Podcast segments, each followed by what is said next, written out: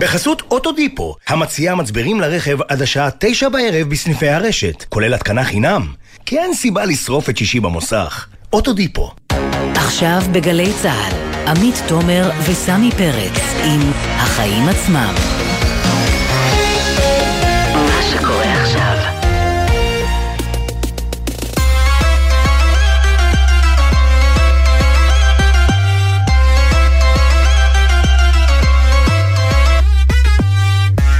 עכשיו שש וארבע דקות, אתם על החיים עצמם, התוכנית הכלכלית, חברתית של גלי צה"ל, סמי פרץ, ערב טוב. ערב טוב, עמית תומר.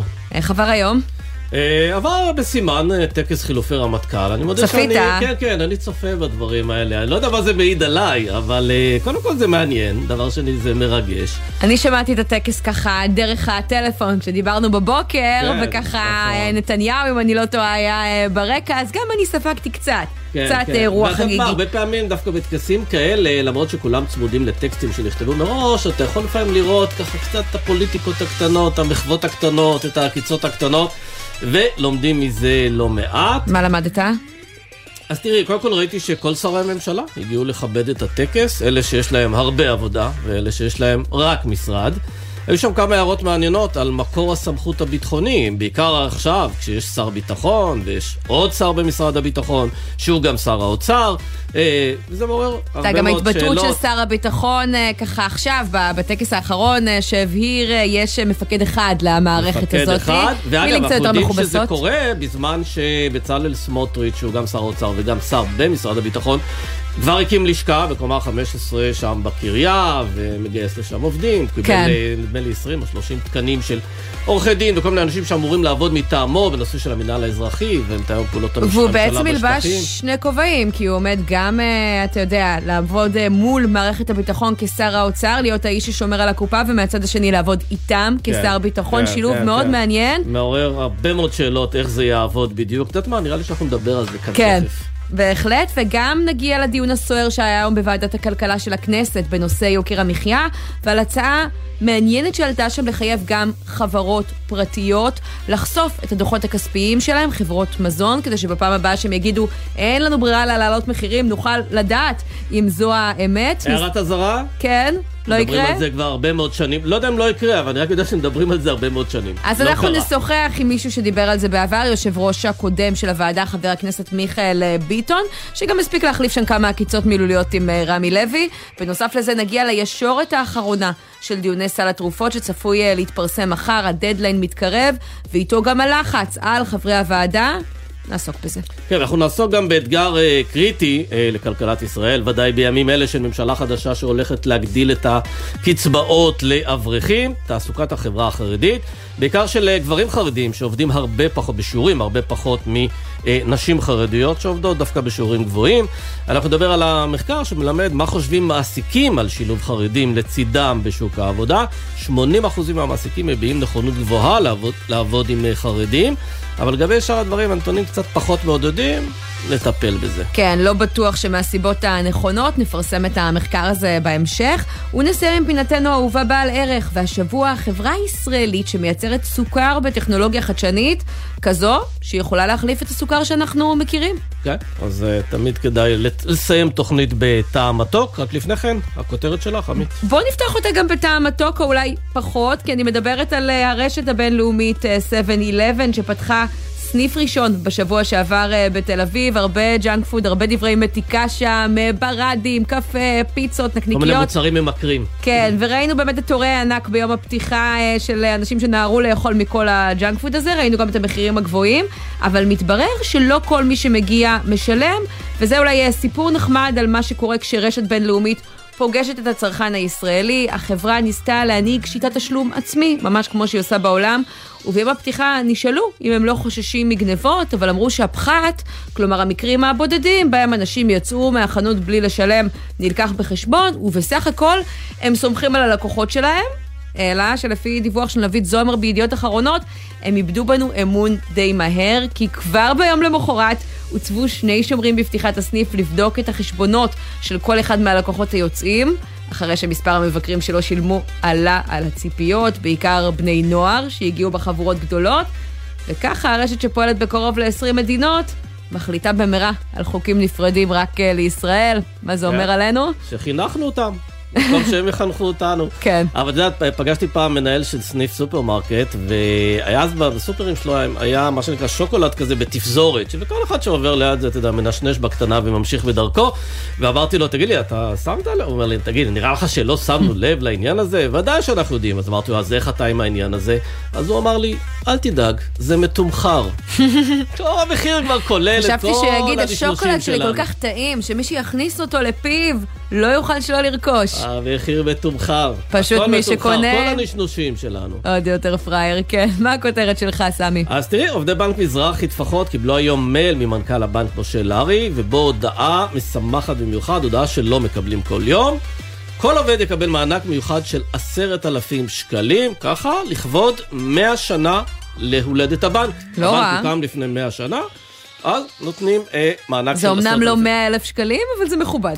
זה לא 100 אלף שקלים, ואגב, לא רק שזה לא 100 אלף שקלים, זה 10,000 שקל לפני מס, הוא כמובן מחויב במס, אז מי שיש לו מס גבוה, יקבל חצי מזה בערך, אבל עדיין זו מחווה מאוד אה, נאה לתגמל עובדים ככה סתם בשביל הכיף.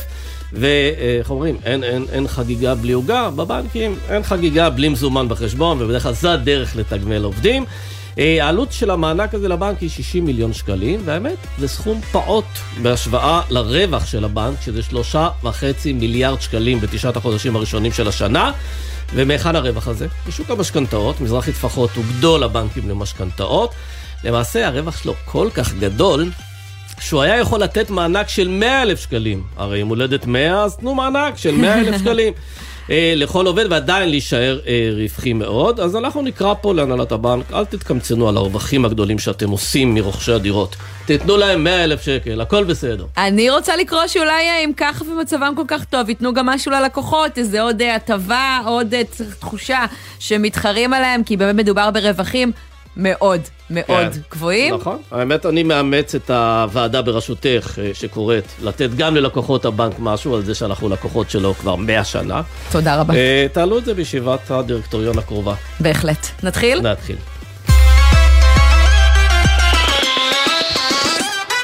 אז רמטכ"ל חדש, אתגר אה, ישן, דיברנו על הטקס אה, שככה אה, התרחש אה, היום, חילופי הרמטכ"לים, כשהרצי לוי בעצם אה, נכנס לתפקיד. הרצי הלוי. הלוי, האיש החזק אה, בצה"ל, הנה צריך אה, להתרגל.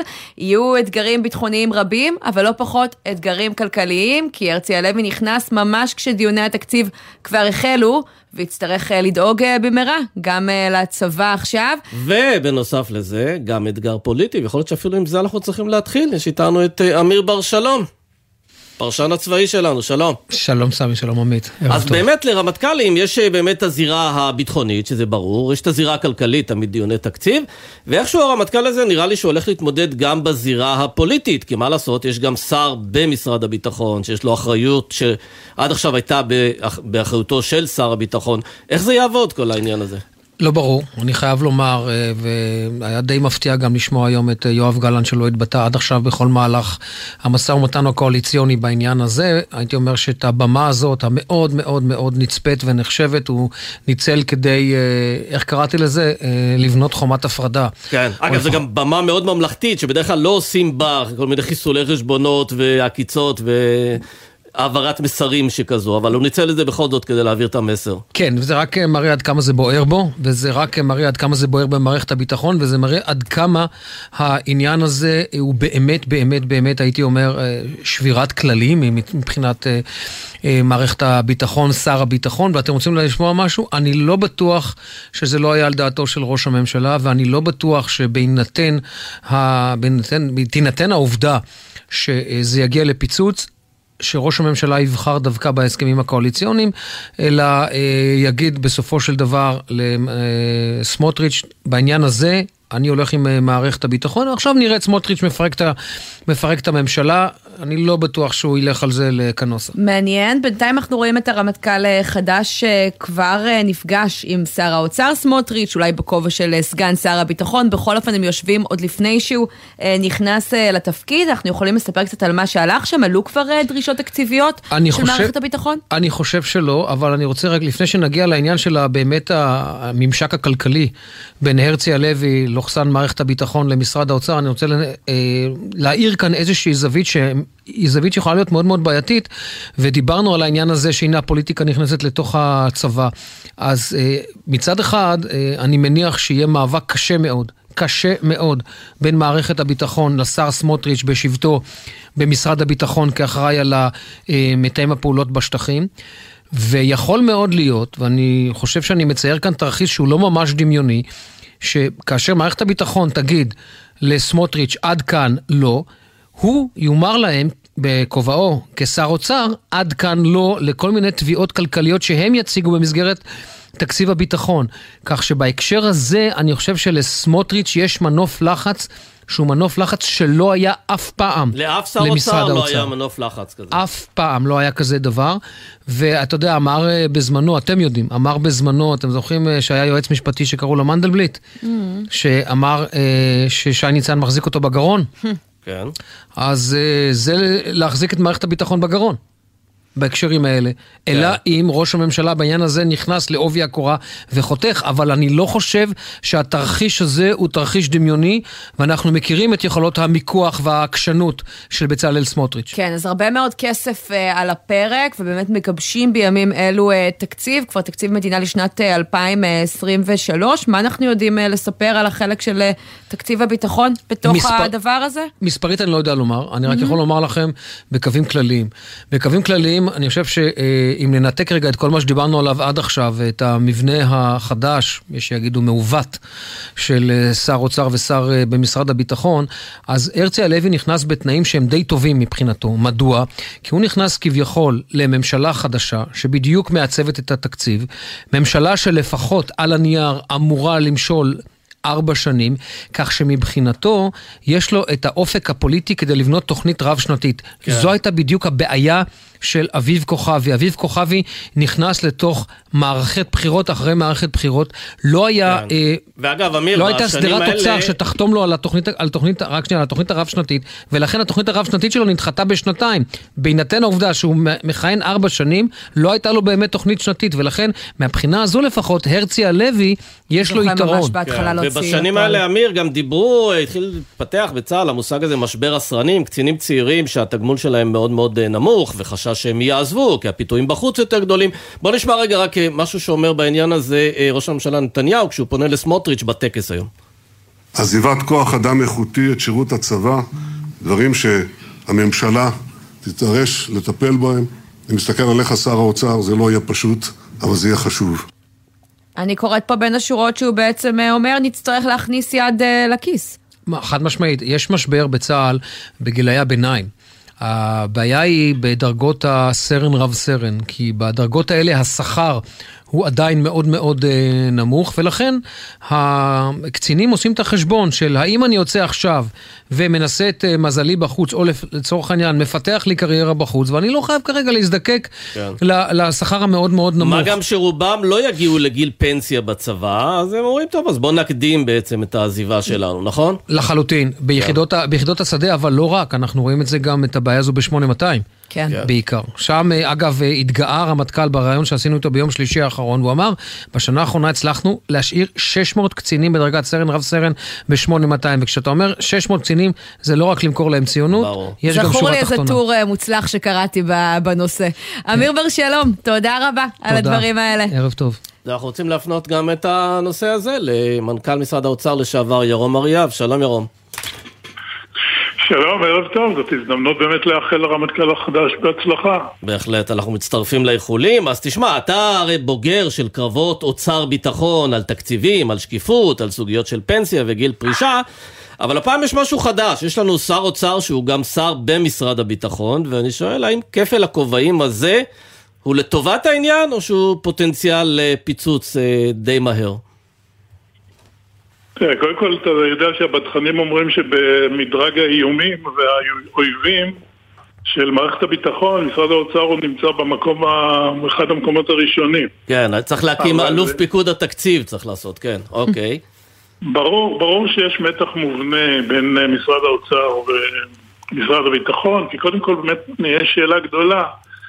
אה, בהינתן זה שמקורות הם מוגבלים, אז ברור שאם תקציב הביטחון גדל, אז זה הולך על חשבון תקציבים אזרחיים. ובסך הכל המלחמות של האוצר ומערכת הביטחון הן אה, רבות שנים. היו כמה ניסיונות בעבר, אם זוכרים, ועדת ברודט ב-2007 וועדת לוקר, איכשהו להביא ליציבות של הוויכוחים האלה, שזה לא יהיה כל פעם תק- התכתשויות כל שנה, אלא... ואיכשהו הצבא תמיד מנצח בוועדות האלה. אה, כן, אז כל שאלה, תראה, ניצחון של הצבא לפעמים הוא ניצחון פירוס, כי למשל אחרי מלחמת יום כיפור, אם אתה זוכר, יש את העשור האבוד, שבאמת אה, חלק ניכר, מ, אה, חלק הרבה יותר גדול מהתקציב, הלך באמת תקציב הביטחון, וזה שיתק את המשק, אבל היום בפירוש, על רקע באמת ההבטחות הקואליציוניות הבלתי מתקבלות על הדעת, ברור שהולך להיות תקציב מאוד אה, לחוץ.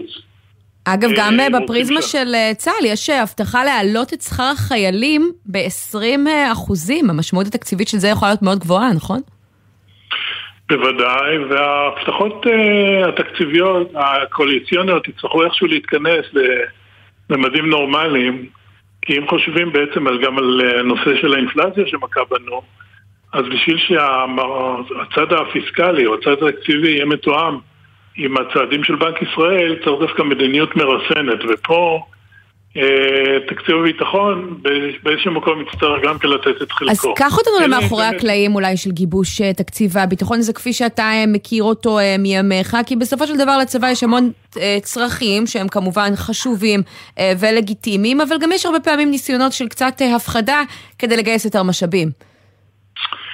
אז פה יש תמיד את הוויכוח, כי אם בונים את תקציב הביטחון על פי האיומים, אז אין לזה סוף, כי תמיד, אה, אה, ובוודאי ששום דבר לא מספיק. ולכן צריך להכניס לאיומים גם את המגבלות. ובסופו של דבר, אם לא רוצים שזה יהיה באמת אה, שוק ומסחרה, צריך לבסס את זה על איזושהי מערכת של, של אה, ארוכת, אה, ארוכת טווח. וזה לא מה שקורה בפועל. בינתיים אנחנו מכירים ביקורת על הצבא שכל פעם שמגיע תקציב מעדיף לחתוך אה, בבשר החי במקום בשומנים. הנה רק בחודש שעבר ראינו פרסומים שצה"ל מתכוון לקצץ בתחבושות אישיות ושיש מחסור בתרופות. זה נראה לך כמו ניסיון להכין את הקרקע לטענה של אנחנו חייבים עוד, כי זו לא הפעם הראשונה שדברים כאלה קורים בסמוך לתקציב. ברור שבפועל הצבא ומערכת הביטחון רוצה יותר תקציבים. אני חושב שהרמטכ"ל החדש, אה, בסך הכל אה, המבחן שלו יהיה אם הוא בונה יחסי אמון ארוכי טווח עם משרד האוצר, מציב בעצם את היעדים שלו. דרך אגב, היעד המרכזי של רמטכ"ל זה קודם כל אה, למנוע מלחמה. כן. אבל העובדה שהרמטכ"ל, שהרמטכ"ל עכשיו, כשהוא בא לדבר עם שר האוצר, הוא יודע שאותו שר אוצר הוא גם שר במשרד הביטחון, ושיש לו אה, נושאים באחריותו, כמו מינהל אזרחי ומתאם פעולות הממשלה בשטחים. זה מציב את הרמטכ"ל באיזה מין אה, תן וקח כזה. בדרך כלל הרמטכ"ל רוצה רק, אה, מה שנקרא, לקחת, אה, אין לו עניין לתת. סמי, בזה אני מודה שעוד לא התנסיתי. מין תהליך כזה שעברו סמכויות, חלק ממשרד הביטחון הם בידי שר האוצר, ביום אחד הוא חובש את הכובע הזה, ולמחרת הוא חובש את הכובע הזה. אתה לא נשמע מתלהב מהרעיון. זה פוטנציאל, זה פוטנציאל נפיץ ביותר, בעיקר קודם כל להחזיק את המטרות של מערכת הביטחון, כן, והתיאום הפנימי, אבל גם מבחינת משאבים והקצאת משאבים, אה, השר אה, במשרד הביטחון לא יכול להיות פזרן מצד אחד לצרכים שלו ועם יד קפוצה לגבי התקציב של כאילו השר השני, שר הביטחון השני. אבל זה מגביר את הפוטנציאל של אה, אם תיתן לי פה אז אני אתן לך שם, שזה הרבה פעמים גם יוצר איזה החלטות אולי לא ענייניות, או הקצאה לא נכונה של משאבים. נכון, וכל אה, מסחרה כזאת זה לא, לא לטובת העניין. אה, לא, יש לנו פה תהליך שנראה איך נעבור אותו, כי באמת לא, אני חושב שלא התנסינו, וזה על רקע של אה, אה, כלכלת ישראל, אם ככה זה שהיא בסך הכל אה, נכנסת במצב יציב באופן יחסי, אז זה יכול גם להשתנות. כן, טוב, אולי הדרך לפתור את זה לקחת, לתת לשר הביטחון להיות שר גם במשרד האוצר. אה, שיהיה איזון. כן, בדיוק. ירום אריאב, אני כבר לא אופתע מכלום, לשעבר מנכ"ל משרד האוצר, תודה רבה שדיברת איתנו. תודה רבה. עכשיו אנחנו למה שקרה היום בוועדת הכלכלה, דיון סוער מאוד בכנסת סביב אה, סוגיית אה, יוקר המחיה. במהלכה אנחנו אולי שומעים בשורה מהיושב ראש אה, חדש, שמודיע שהוא מתכוון לפעול כדי לחייב חברות פרטיות. לפרסם את הדוחות הכספיים שלהן, לפרסם את נתוני הרווחיות שלהן, ככה שנוכל לדעת כשהן אומרות אין לנו ברירה אלא להעלות מחירים למשל, האם זה באמת אה, המצב. אתה אמרת קודם, מדברים על זה הרבה מאוד זמן. מי יודע האם הפעם אה, זה יקרה. מהלך שיכול להיות אה, חשוב, אבל כן ראינו בעבר הרבה מאוד גם לחצים סביבו, וגם זו הייתה אמירה מאוד אה, כללית, כבר ראינו נוסחים יותר ספציפיים, אולי לחייב רק מונופולים בשנים קודמות. השאלה, מה שנקרא, האם זה אה, יישאר בשלב הדיבורים או יתורגם אה, למעשים. לנו העיתונאים זה יהיה יום חג אם זה יקרה. כן, בהחלט. כן, ואנחנו אה, רוצים לדבר בעניין הזה עם חבר הכנסת אה, מיכאל ביטון, שמצטרף אלינו ממליאת הכנסת. ערב טוב. שלום עמית אה, וסמי. אתה אה, חבר המחנה הממלכתי וחבר ועדת הכלכלה, עד לא מזמן יושב הראש שלה. מה אתה אומר על היוזמה הזאת, מיכאל? קודם כל כבר יזמנו את היוזמה הזאת, וזה טוב שביטן ממשיך. והעובדה שחברות פרטיות מסתירות את הדוחות הכספיים זה לא תקין. אבל למה, אבל למה זה לא התקדם עד עכשיו, מיכאל? כי בחוק ההסדרים לא ראינו את זה. לא, לאוצר יש סמכות בוועדת המחירים שלו לקבל נתונים כספיים גם מחברות פרטיות. הוא לא מממש את זה. זה גם לא מספיק שנדע כמה הם מרוויחים. יש חברות שמרוויחות, אה, שהמנכ"ל שלהם, כמו דיפלומט, מרוויח עשרות מיליונים בשנה, אנחנו יודעים את זה. כי זו חברה לא ציבורית, כן. אבל איך אתה פותר לא, את הבעיה של לא, חברה אבל... פרטית? האם אתה יכול לחייב אותם על פי חוק לעשות את זה? אבל סמי, הנה, אנחנו יודעים שדיפלומט מרוויח עשרות מיליונים, והוא לא בא לכנסת, והוא לא נותן דין וחשבון. מתי הוא ייתן דין וחשבון? שהוא ייכנס על ידי רשות התחרות, בסמכות שיש לה, לקנס של 100 מיליון שקל על מפרי תחרות. אז אתה בעצם הזה... אומר, גם זה לא ממש פתרון, כי הנה, דיפלומט זה דוגמה לחברה שכן מפרסמת את נתוניה, אוקיי. השקיפות היא התחלה, אבל זה לא כלי. הבעיה שלנו מול רשתות מזון, יצרנים בלעדיים ויבואנים בלעדיים ששולטים בנתח שוק גדול מדי זה שאין כלים אמיתיים ולא מופעלים הכלים הקיימים. הכלי הכי חזק זה אותו קנס של 100 מיליון שקל שלא ניתן מעולם. כלי נוסף שהיה בידיהם כצו שעה אה, להעניש ולפעול מול חברות שמפרות תחרות. אה, ההוראת שעה הזאת בוטלה בפברואר ועד היום לא הביאו נוסח חוק מתוקן כמו שהם רוצים לפעול מול אה, חברות בלעדיות שמפרות תחרות. מי זה הם? רשות התחרות? כן, האוצר ורשות התחרות. אם לא יהיה אומץ לב ציבורי של האוצר להגיד בשנים האלה אנחנו נפעל בכיס ובעשרות מיליוני שקלים בכל חברה שמפרה תחרות, לא יהיה שינוי. רגע, בוא, נפ... בוא, בוא נתעכב על הנקודה הזאת, כי זה מעניין. אתה אומר, ביקשו לפני שנה סמכויות, משרד האוצר, רשות התחרות קיבלו לא, להטיל קנסות על חברות? פג תוקף של הוראת שעה, שנתנה סמכויות מיוחדות לרשות החברות, למי שמפר תחרות, גם ביבוא וגם בתחומים אחרים, ועד היום, מפברואר זה פג תוקף, לא הביאו הצעת חוק מתקנת איך לפעול מול מפרי תחרות גם בתחום היבוא ובעבר השתמשו אחרים. בזה? לא מספיק, לא מספיק. תראי, פעם, לא מזמן, לפני כחמש שנים, חקרו וראו הפרה של תחרות ברשת מזון. אז הכניסו עובד אחד לכלא. אז הוא היה שנה בכלא, הוא חזר לעבוד בעסקי מזון. אולי הוא גם קיבל כסף כדי לשרוד את השנים האלה. זה לא מדקדק את החברות האלה אם הם לא נפגעו ב-50-100 מיליון. בסוף העונש זה הרווחים. עכשיו, רשתות המזון משחקות אותה אה, שהם רק 2% רווחים. זה לא נכון. הן מסתירות את הרווחים בתוך השכר של המנכ"לים. אז אתה בעצם הבונוסים. תתמוך במהלכים כאלה, במהלכים מהאופוזיציה בוודאי. של הממשלה המכהנת בנושא של יוקר המחיה. אני גם שמתי הצעת חוק אחרת, mm-hmm. שבאה ואומרת מונופולים יקבלו הגבלת שכר. כמו שהצלחנו בבנקים להגביל שכר, והבנקים לא קרסו. אבל אם הם לא חברה נגביל- ציבורית, מה זה משנה? כי הם מסתירים שם רווחים. דרך השכר והבונוסים מסתירים רווחים. כן, אתה חושב שרשות התחרות אה, לא עושה עבודה טובה בזיהוי השווקים הלא תחרותיים ובהשתת קנסות אה, על חברות שהן אה, מנצלות את כוח השוק שלהן מול הלקוחות? לצערי היא לא נשכנית. בדמדומי חילופי התפקידים שם ראינו איזה מעצרים וחקירות של רשתות מזון ותיאומים בין ספקים ויצרנים. לא ראינו מסקנות של זה, גרירת הרגליים הזאת מדאיגה אותי, צריך להיות חד ומהיר, האירוע הזה התרחש לדעתי כבר כמעט לפני שנה.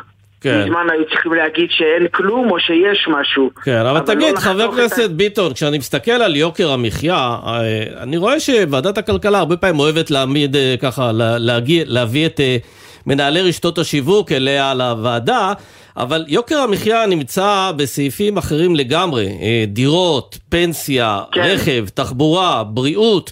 אז נראה לי שזה די פופולרי להביא רשתות מזון, אבל הכסף הגדול לא נמצא במקומות אחרים? אז סמי, אני מסכים איתך, והוועדה שלי עסקה בכל ההיבטים. אני עדיין חושב, מאמין, ויכול להוכיח שאפשר לבנות דירה על אדמה של המינהל בסובב מרכז, לא בתל אביב, אלא בראשון, באזורים כאלה, באדמות מדינה. דירה של 60 עד 70 מטר לזוג צעיר במיליון שקל. אפשר לעשות את זה. לא רוצים לעשות את זה. עכשיו, מה עושים? עושים דירה בהנחה או מבצעים אחרים. מי מגיש? בעלי הכנסה של 20 ו-30 ו-40 אלף שקל. זה בכלל לא מגיע אין לחלשים ספק ביותר. שכמו שסמי אמר, זו בעיה שמשפיעה לנו סמי- עוד יותר על הכיס, ו- וגם בה צריך... אה, אבל סמי ועמית, אתם כן. צודקים שיש עיקרון פרטו ביוקר המחיה.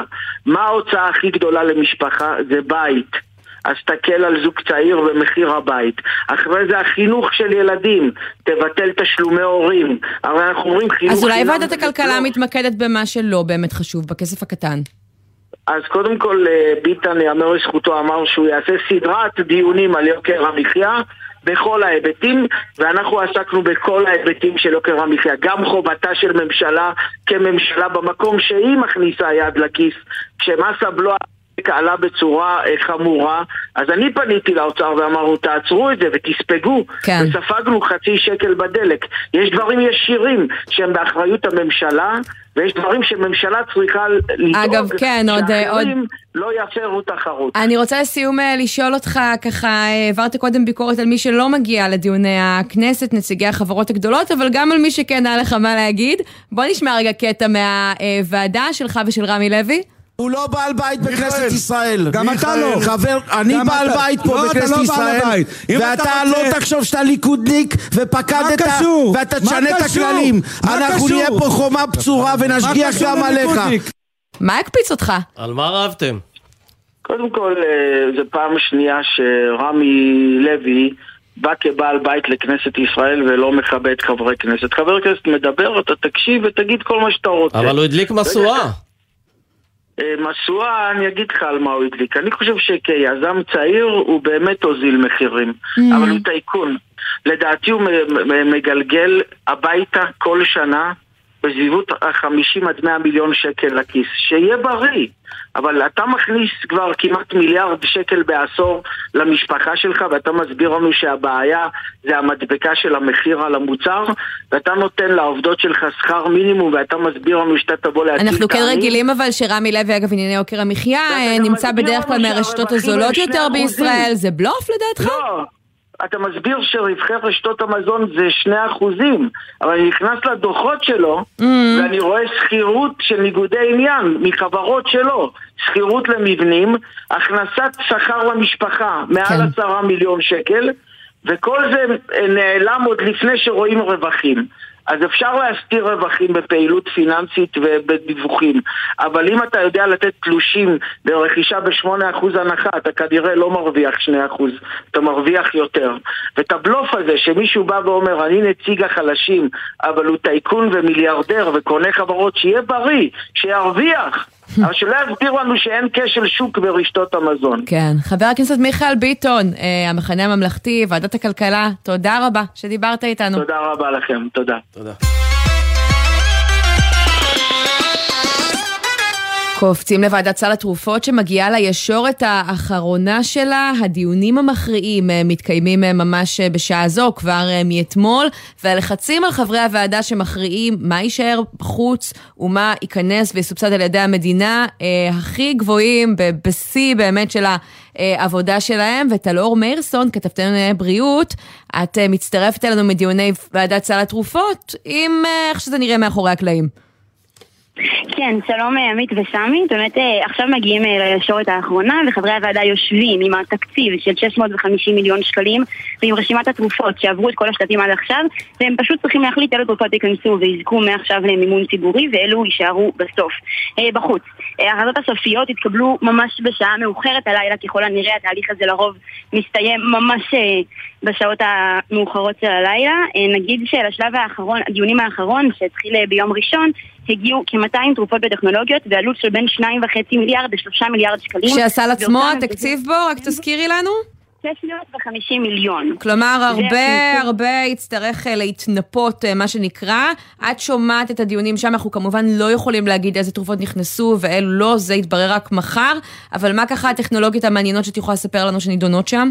כן, אז נגיד שההצעות שהגיעו לתחילת הדיונים ביום ראשון, בין השאר אה, משקפיים לילדים עד גיל 18, מימון ציבורי של משקפיים, חיסון למנינגוקוק B, שזה חיידק שגורם לדלקת קרום המוח, חיסון לילדים שלא יכלו בו, מגוון של תרופות וטיפולים לסרטן ולאסתמה, טיפול ב-ADHD למבוגרים שאובחנו עם הפרעת קשב רק אחרי גיל 18, שאת זה אין שום מימון לזה עד עכשיו. אה, לילדים זה ממומן היום? היום לילדים יש מימון לחלק מהתרופות, ואצל מבוגרים אה, רק, אה, אצל מבוגרים יש רק אם הם אובחנו לפני גיל 18, ואם הם אובחנו לאחר מכן גילו את זה רק בשלב של האוניברסיטה, כיום אין מימון. אה, נגיד גם שכמו שאמרת, ככל שמתקרבים להחלטה הסופית, הלחץ באמת אה, גובר. חברי הוועדה מקבלים פניות רבות, גם אם באופן אישי, גם אם באופן רשמי לוועדה. רופאים מומחים, איגודים מקצועיים של רופאים, עמותות חולים, או ממש חולים פרטיים, שתרופה כזו או אחרת יכולה להיות מצילת חיים עבורם. נגיד שתמיד יש את החשד שעומד... אה, לוביסטים. בעבודת הוועדה. כן, שמאחורי עמותות החולים עומדות אה, חברות התרופות והאינטרסים הכלכליים שלהם, שהתרופה שלהם תיכנס לסל הסופי, זה מאוד שווה לחברות, כי ברגע שהתרופה נכנסת היא לא יוצאת. אז זה בעצם תקציב, תשלום מאוד גדול אה, בשבילם, ושוב, כל המכתבים והפניות האלה, כדי לשמור באמת על איזון, כל חבר ועדה שמקבל פנייה צריך לשלוח אותה לכל כן. שאר החברים, כדי שכולם ייחשפו אה, לכל הפניות. אבל טלור, הדיונים התחילו השנה כששר הבריאות אה, אריה דרעי הודיע שהוא יוסיף 100 מיליון שקלים לסל, כלומר עוד חוץ לתקציב שדיברו עליו, יש עוד 100 מיליון, אז זה אמור להרגיע קצת את הלחצים, לא? נכון, וזה משהו שממש גילו רק ביום חמישי האחרון. התחילו את הדיונים עם מחשבה על 550 והגיעו אה, ל-650. התקציב הזה ייכנס רק באמצע שנה. אה, זה לא אומר שיש תרופות אה, שידרגו אותן פחות, זה פשוט אומר שיש תרופות שממילא לוקח זמן להיערך ולהפוך אותן לזמינות. לדוגמה, אם המשקפיים ייכנסו עד שהספקים וקופות החולים יערכו לזה, אותו דבר לגבי אה, חיסונים, זה דורש היערכות, ולכן אם אה, באמת פשוט מה שיעשו, ידרגו במאה מיליון שקלים שנכנסים באמצע שנה תרופות או טכנולוגיות שיודעים שממילא ייקח להם זמן אה, להיכנס בפועל אה, לחיים שלנו כמטופלים. Mm. אז תהיה פה איזושהי בשורה דו-שלבית, כל זה מחר. אנחנו כמובן נמשיך לעסוק אה, בנושא הזה, ואז גם נוכל אה, לתת מה שנקרא את ההכרעות. טלור מאירסון, mm. בינתיים תודה רבה. תודה לכם. אנחנו יוצאים לכמה הודעות, ואז נצלול למחקר שמנסה להבין מה חושבים מעסיקים על האפשרות להעסיק חרדים. ונגיע לפינתנו, האהובה, בעל ערך, והשבוע, החברה שיכולה לשים סוף לסוכר הלבן, כפי שאנחנו מכירים אותו. אוי, לא. עוד מעט.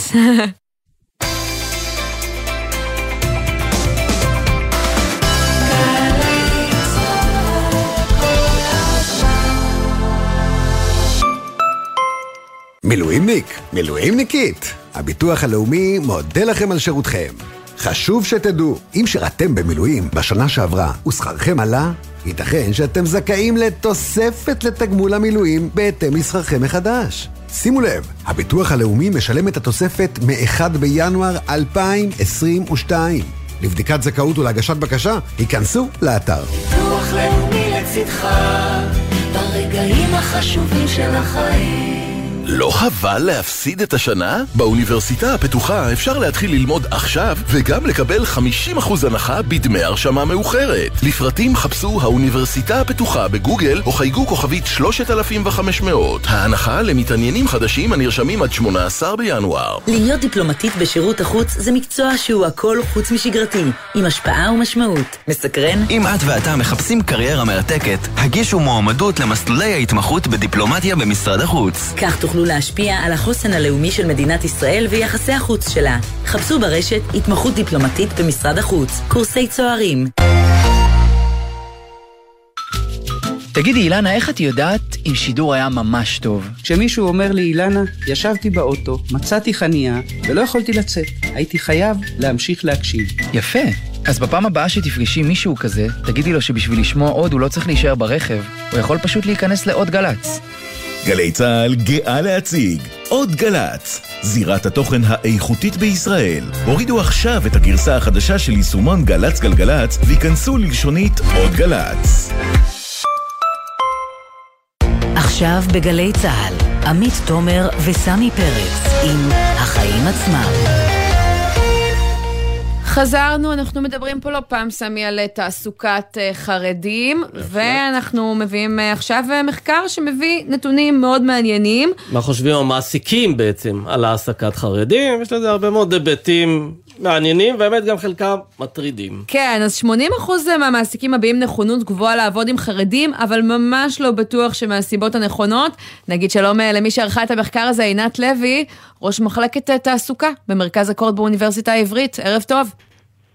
ערב טוב, תודה רבה, אני רק חייבת לתקן, לא אני ערכתי, אלא דוקטור רונה שטיין ורפאל הבר, החוקרים של המרכז שלנו. אז פרגנו לך, והחוקרים מצוינים. אני מעבירה את זה הלאה. ספרי לנו מה גיליתם.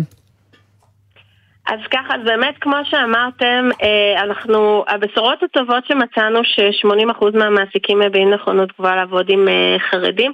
בעצם מה שאנחנו חוקרים במחקרים במרכז אקורד זה איך הפסיכולוגיה החברתית, איך התפיסות, הרגשות, העמדות שאנחנו מחזיקים כמעסיקים או כמועמדים חוסמים את הכניסה למקום העבודה. ואז אנחנו באמת בודקים את העמדות ומצאנו, כמו שאמרתם, את הבשורות הטובות האלה. אבל בעצם מצאנו דברים נוספים, בעצם מצאנו שהרבה מהמעסיקים uh, uh, מייחסים לחרדים יכולות תעסוקתיות נמוכות ממה שהם תופסים כמקובל או, מה, או מהנדרש בענף שלהם. שלזה אגב אפשר לתמוך את זה בנתונים, נכון? שקשורים להשכלה, שקשורים ללימודי ליבה, זה לא איזה משהו מופרך, זה לא סטריאוטיפ... אז חלק מהיכולות, אז חלק מהיכולות קשורות לאנגלית, למתמטיקה, זה נכון, אבל אנחנו בדקנו מגוון מאוד רחב של יכולות. כמו למידה עצמאית, כמו יכולת התארגנות וכן הלאה וכן הלאה. אז הרגשת שיש איזו סטיגמה? או אפילו יכולות טכנולוגיות, בסדר? שהן לאו דווקא אה, כלולות בתוך לימודי הליבה, וגם לגבי הדברים האלה, התפיסה שהדרישה... מה שנדרש בענף, חרדים לא יכולים לעמוד בו. עכשיו, כן, דווקא כישורי למידה יש להם, אנשים שיושבים בישיבות מבוקר עד לילה, ללמוד בטח הם יודעים. ללמוד, לנהל את עצמם, לנהל את הזמן, לעבוד בצוות, המון המון מיומנויות ש, שבהחלט... זהו, יש פה אה, עוד כמה סעיפים, גם באמת אה, ככה הרבה מעסיקים שמייחסים לחרדים, רגשות שנאה והתנסות כלפי אה, חילונים, כאלה שחוששים שאם הם יעסיקו חרדים ייאלצו לשנות משהו באורח חייהם. את יודעת לספר לנו אם באמת הדברים האלה מתגשמים בארגונים או שזה איזה שהן דעות קדומות? אז ככה, אז אני אגיד, אני אגיד שני דברים.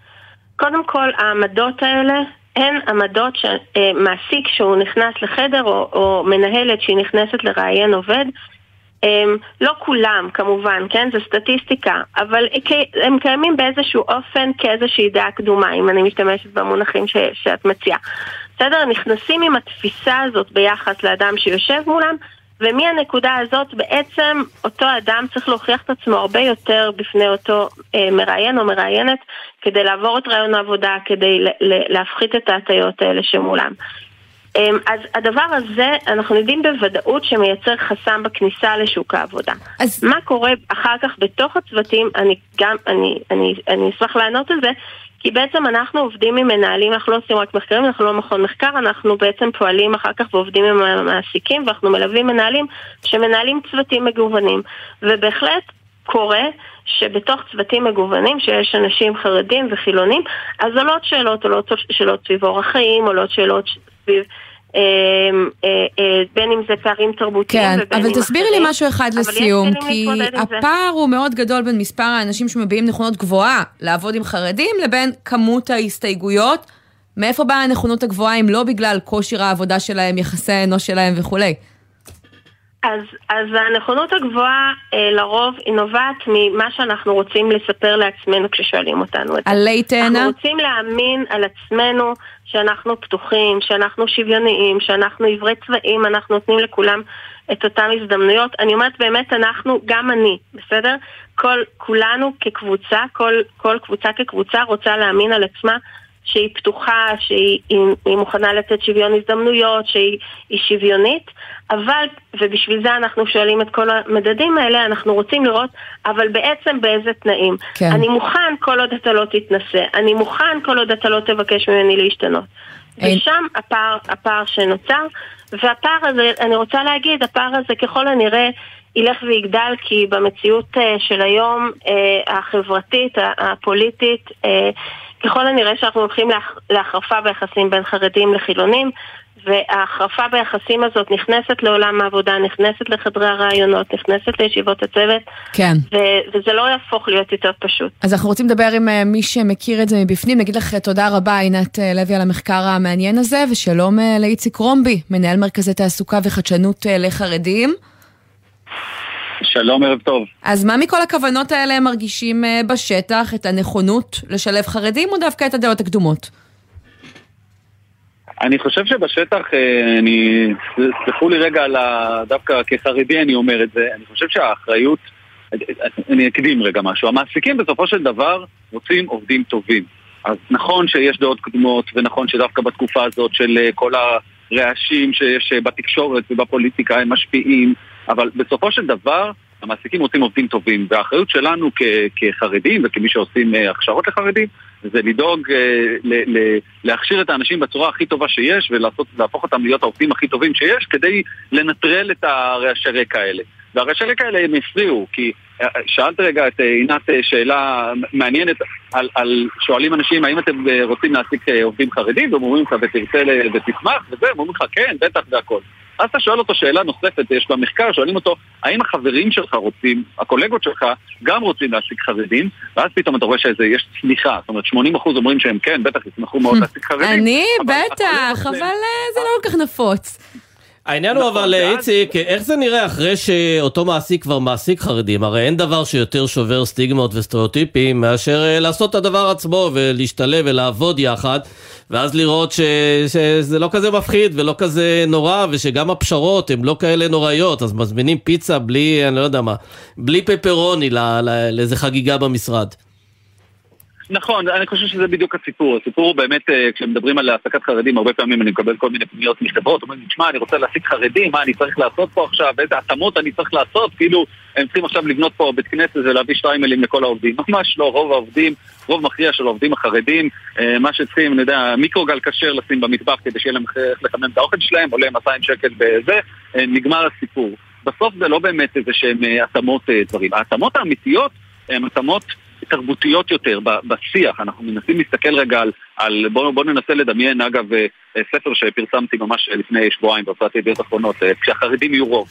אז אני מנסה לתאר שם איך, איך, איך תיראה מדינת ישראל ואיך ייראה שוק העבודה, בואו נלך עוד 20 שנה קדימה, שיהיה לנו אה, 20% ו-30% משוק העבודה שיהיו עובדים חרדים. איך תיראה חברה עכשיו בתל אביב, לא יודע, חברת הייטק או לא משנה מה, שיש לה, אני יודע, אלף עובדים, שיש כן. להם 250 חרדים, ערבים, אה, אה, אה, דתיים לאומיים וחילונים. אגב, זה נשמע שם טוב לספר שהוא קצת ח- רבע איום. כשהחרדים יהיו רוב, אוי אוי אוי מה יקרה, אז כדאי שכבר עכשיו תתחילו לקלוט אותם ולשלב.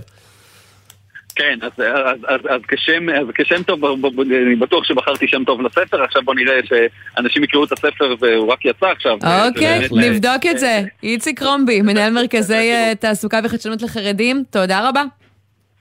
תודה, יום טוב. עכשיו אנחנו לקורקינטים החשמליים רואים יותר ויותר כאלו בכבישים שלנו, בעיקר, איך לא, בתל אביב.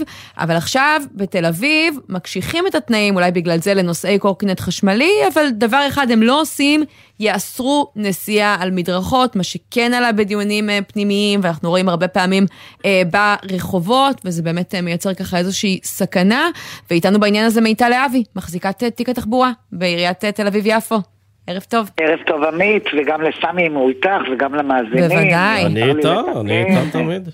מיטל, ספרי לנו, תכף נגיע לנושא המדרכות, אבל uh, בעצם יש uh, ככה הגבלות חדשות שאתם מתכוונים uh, להטיל על הקורקינטים החשמליים? אז קודם כל, רק, רק בואי, בואי נפריד. יש לנו 170 אלף רכיבות ביום, שזה המון, כי רכבת ישראל למשל מסיעה ביום 200 אלף, ואנחנו 170 אלף רכיבות. על קורקינטים? אבל רק 35, כן. וואו. קורקינטים ואופניים אופניים דו-גלגלי בעיר, לא כולל אופנועים.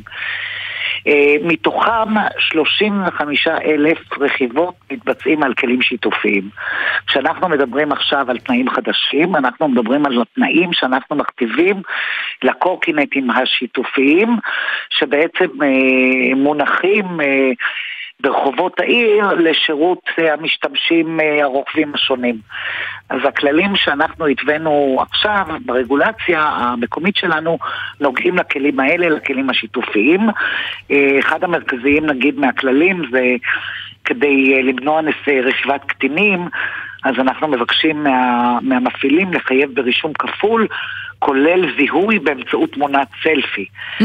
אז... רגע, אבל את בעצם אומרת, מצד אחד אנחנו כן מזהים כל מיני תופעות מטרידות ורוצים להגביל אותן ולהגביל רגולציה, מצד שני את אומרת על הרוב הגדול, שלושת רבעי מהקורקינטים החשמליים שאנחנו רואים בעיר תל אביב, זה לא יחול, כי הם פשוט פרטיים. כן. מהנסיעות. נכון, אז על הפרטי, הפרטיים זה לא יחול, הפרטיים הם גם אלה שמתוגברים בדרך כלל עם מנוע קצת יותר גדול מ-25 קילומטר לשעה. כדי שאנחנו נוכל לייצר אכיפה יותר אפקטיבית על הפרטיים, אנחנו צריכים שיעקב אשר או החברים החרדים שיושבים עכשיו בכנסת ובשבתם באופוזיציה הציעו כל מיני הצעות כמו לוחית רישום למיקרוגלגלי, אז אנחנו מקווים מאוד שאת ההצעות שהם הציעו בשבתם באופוזיציה הם יקדמו בשבתם בקואליציה. ובאמת ההסדרה הכי טובה שיכולה להיות לכל הנושא של ה... דו-גלגלי החשמלי אה, צריך לנבוע מלוחיות רישוי. אבל למה אסרתם אם ככה... שיהיו גם על הפרטיים. למה כן. לא אסרתם אה, נסיעה על מדרכות לכלים השיתופיים, איפה שאתם כן יכולים אה, לשלוט על זה? אנחנו עוצרים נסיעה על המדרכות, את מתייחסת... לטכנולוגיה שהייתה אמורה לעצור את זה, מה שנקרא, לא רק חוקית, אלא...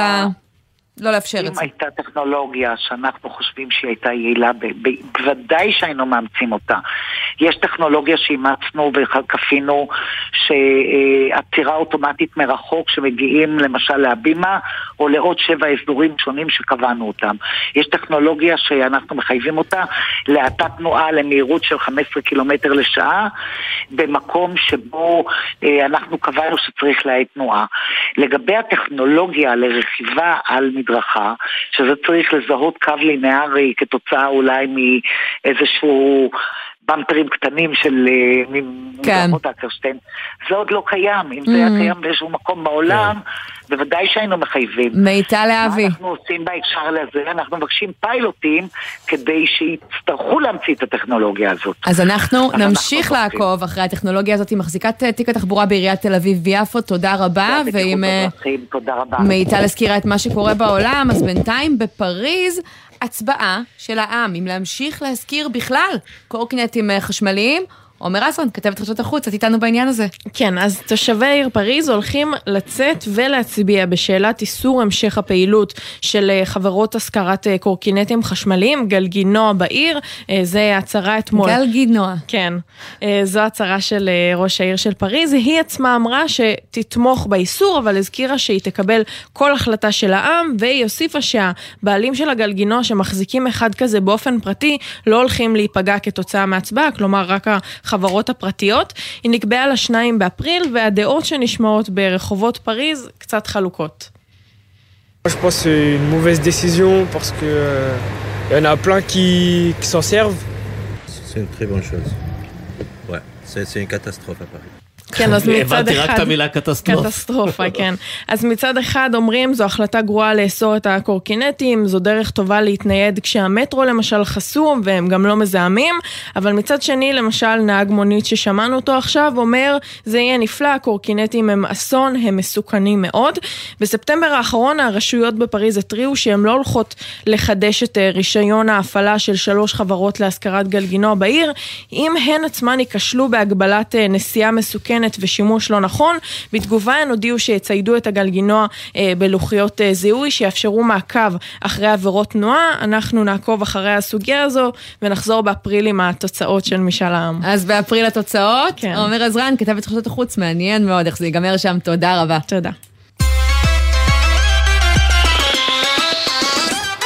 הרגע לא חיכית לו. בדיוק, פינתנו אהובה באה לערך הפינה שבה אנחנו רוצים לדבר עם יזמים שבאים ומשפרים את האנושות, מתקנים אותה, עושים אותה טובה יותר. אז היום אנחנו עם גיא בן צבי, מנכ"ל אומגה 3 גליל, שלום לך. שלום, ערב טוב. אומגה 3 זה גם תחליפי הוויטמינים, נכון? של הדגים. לא, תחליף, לא תחליפי ויטמינים, זה דגים מרוכזים בקפסולות. כן. זה לא תחליף דגים, זה דגים בקפסולות. כן, לא, הייתי, הייתי. צרכנית שלכם לא מעט אה, שנים, גילוי נאות. כן, אז אבל זהו, לא באנו אז- לדבר אז על זה. אז זהו, אנחנו רוצים להיות צרכנים שלכם, אבל קודם כל בואו נבין מה אתם עושים. אה, אנחנו אוהבים מתוק, ואתם מאפשרים לנו להמשיך לצרוך מתוק, אבל אנחנו נצטרך הרבה פחות מזה. איך אתם עושים את זה? אוקיי, אז אה, בתחום מתוק מתחלק לשניים, מתוק במים, שזה מיץ תפוזים וקוקה קולה, ומתוק בשומן, שזה שוקולד וגלידה וקרמים.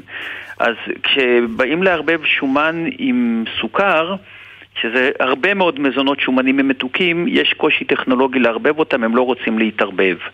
ובגלל שהם לא רוצים להתערבב צריך לשים המון סוכר בתוך שומן. אז שוקולד הוא נניח 50% שומן או 40% שומן וכל היתר זה סוכר.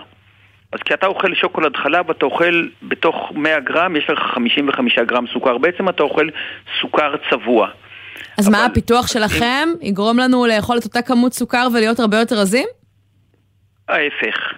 הוא יגרום לך לאכול הרבה פחות סוכר ולהרגיש... סליחה, התכוונתי את. אותה כמות מתוק, בדיוק, כן. כן, אז תני לי, תני לי רגע לתת לך את הדוגמה. כדי לא לאכול כל כך הרבה סוכר, שאנחנו יודעים שהוא מזיק לסוכרת והשמנת יתר, פיתחו את השוקולד המריר. אז נניח שוקולד של 90%, יש בו רק 10% סוכר. אבל הוא מאוד מר ומאוד לא מתוק וקשה מאוד לאכול אותו. עכשיו תתארי לעצמך שאפשר לעשות שוקולד מריר 90 אבל מתוק כמו שוקולד 60 שוקולד 60 יש בו 40 סוכר. כלומר מצד אחד מעט מאוד סוכר, מצד שני מאוד מתוק. אז איך הטכנולוגיה אז תגידי- עובדת בדיוק? אז הטכנולוגיה עובדת בצורה כזאת שלוקחים שמן וסוכר, מעבירים אותם, אם תקחי שמן וסוכר במטבח ותערבבי, הם לא יתערבבו לחלוטין, הסוכר ישקע והשמן לא יהיה מתוק. אנחנו עושים תהליך מסוים של טחינה שאותו המצאנו, ומקטינים את גודל החלקיק לגודל מאוד מאוד מאוד קטן, כך שהוא מכסה את אה, פקעיות הטעם על הלשון ובחך בצורה כזאת שהוא מגביר מאוד מאוד את המתיקות. יותר קטן מהגודל שלו באבקת סוכר רגילה שאנחנו משתמשים בה? כן, אבקת סוכר רגילה היא בערך 100 מיקרון, עשירית מילימטר, ואנחנו יורדים לרמה של מיקרונים בודדים, כלומר פי 100 פחות מאבקת כן, סוכר. אבל העניין הוא, גיא, אני מבין אה, מה- מהיכרותי עם עולם המתוק, זה אחת הבעיות עם מתוק, זה כשאתה אוכל מתוק, הדבר הבא שאתה רוצה זה לאכול עוד מתוק. את זה אתה לא אוקיי. פותר. את זה אני כן פותר. כי תחושת הרצון במתוק נובעת מזה שהסוכר בדם עולה, ואז אתה מרגיש שובע לרגע, ואחר כך הוא מהר מאוד יורד. זה נקרא היפר והיפו, כל סוכרתי מכיר את זה. אצלי, בגלל שהסוכר בדם לא עולה ולא יורד, תחושת השובע נמשכת, והיא לא, לא מופיע לך craving לעוד ועוד סוכר. מתי על המדף? להבדיל משוקולד חלב. שכנעו אותך סמי? מתי זה על המדף? אפשר כבר להשתמש, כבר- לטעום? כבר עכשיו על המדף בצורת ממרח שוקולד שנקרא O Sweet זה ממרח שוקולד שהוא עם 92.5% מוצקים תחשוב, זה היה אמור להיות מר בטירוף אבל הוא מתוק ממש כמו ממרח רגיל עם מעט מאוד סוכר, אתה יכול לקנות אותו כרגע רק באינטרנט עדיין מתי לא נראה את זה מגיע לעוד מוצרים? טבליות שוקולד, ויש עליו את עוגות? המדבקה הזאת של סוכר בכמות גבוהה?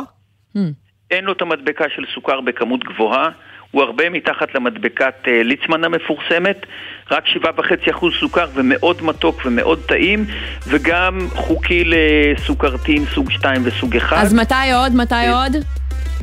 אנחנו גם עובדים כרגע בסופרים? על ממרח...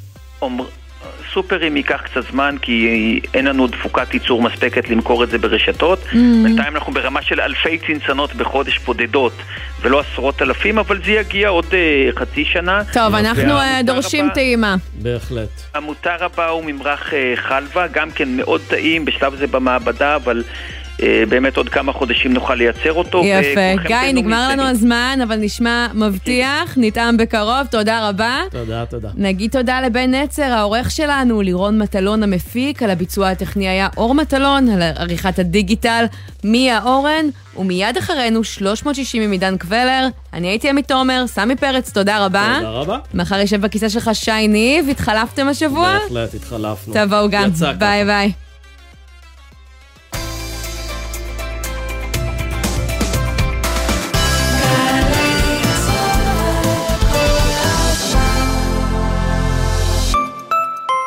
עתידכם בסמינר הקיבוצים מתחיל עכשיו. אתם מוזמנים ליום הפתוח לתואר ראשון, יום ג' 24 בינואר בשעה 3. לפרטים התקשרו, כוכבית 8085. סמינר הקיבוצים, מכללה מובילה לחינוך ולאומנויות. עמיתי מועדון חבר, ביקשתם, קיבלתם. הארכנו את המבצע על דגמי מיצובישי 2023 מבית קולמוביל עד 24 בינואר. לפרטים כוכבית 5839 או באתר מועדון חבר. זה הכל בשבילך,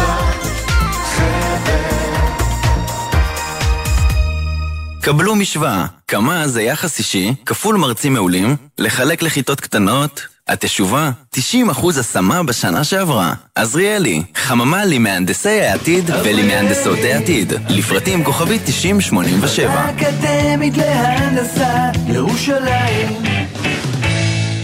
זו אותה הנסיעה הביתה, בשכונת המגורים או בדרך לבית הספר. אבל בחורף נוהגים אחרת. הורים, כדי להגן על ילדיכם ברכב, במקרה של עצירה פתאומית או תאונה, רצועות מושב הבטיחות חייבות להיות הדוקות לגופם. גם בחורף שומרים על ילדינו וחוגרים אותם כשאינם לבושים מעילים וסוודרים עבים. הרלב"ד, מחויבים לאנשים שבדרך. מיד אחרי החדשות, עידן קבלר.